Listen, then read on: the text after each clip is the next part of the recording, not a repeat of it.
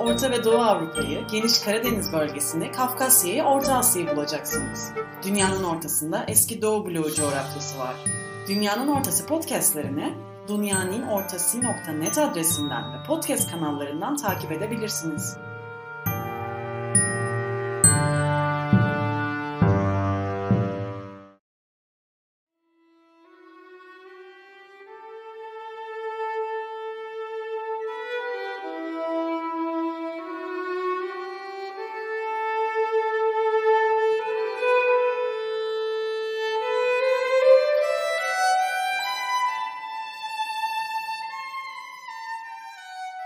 1932-1933 Ukrayna. Stalin Tek ülkede sosyalizm. İnternasyonalizmden Rus şövenizmine, yerelleşmeden merkezileşmeye, sanayileşme, kalkınma planları, kara tahtalar, kırmızı tahtalar, ürün kotaları, yapay kıtlık, açlık terörü, açlık ile ölüm, açlıktan ölen milyonlar. Holodomor, Ukrayna'nın acı belleği.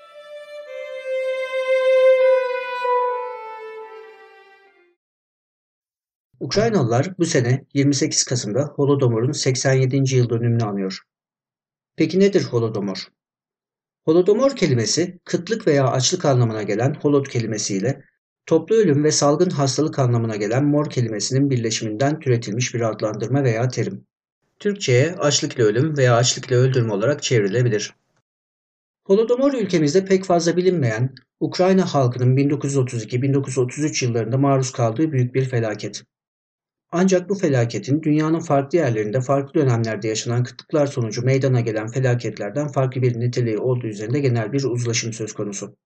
İfade edilen rakamlar arasında büyük farklar olsa da konu üzerinde çalışma yapan uzmanların hemen hepsi milyonlarca Ukraynalının yaşamını kaybettiği Holodomor felaketinin sorumlusu olarak Sovyetler Birliği'ndeki totaliter Stalin rejimine işaret ediyor.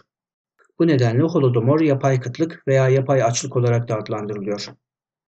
Holodomor konusu Sovyetler Birliği döneminde bir tabu haline gelmiş ve Sovyet otoriteleri bu trajediyi gizlemeye, unutturmaya çabalamış.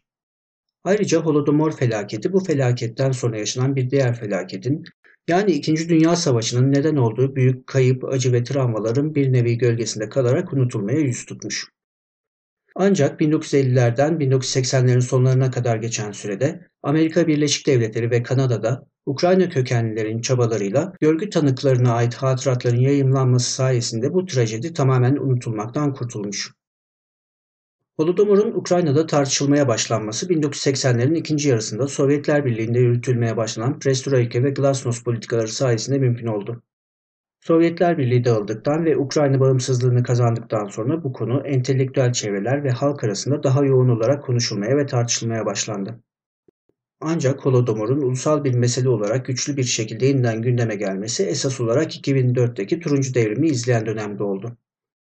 Holodomor'un günümüzde Ukrayna ulusal anlatısını oluşturan temel öğelerden biri haline geldiğini söylemek yanlış olmayacaktır.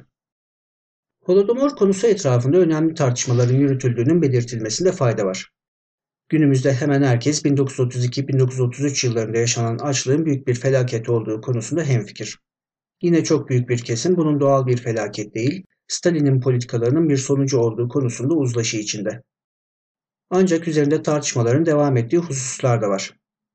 Bunların başında Holodomor'un Stalin'in insanı hiçe sayan ekonomi ve sanayileşme politikalarının bir sonucu mu olduğu, yoksa başlı başına Ukrayna halkını yok etmek amacıyla organize ettiği veya gerçekleşmesine izin verdiği bir katliam mı olduğu sorusu geliyor. Ukrayna devleti ve milli hassasiyetleri daha yüksek olan Ukraynalıların çoğunluğu bu soruya Holodomor'un Sovyetler Birliği'nin Ukrayna halkına karşı yürüttüğü bir soykırımı olduğu şeklinde yanıt veriyor.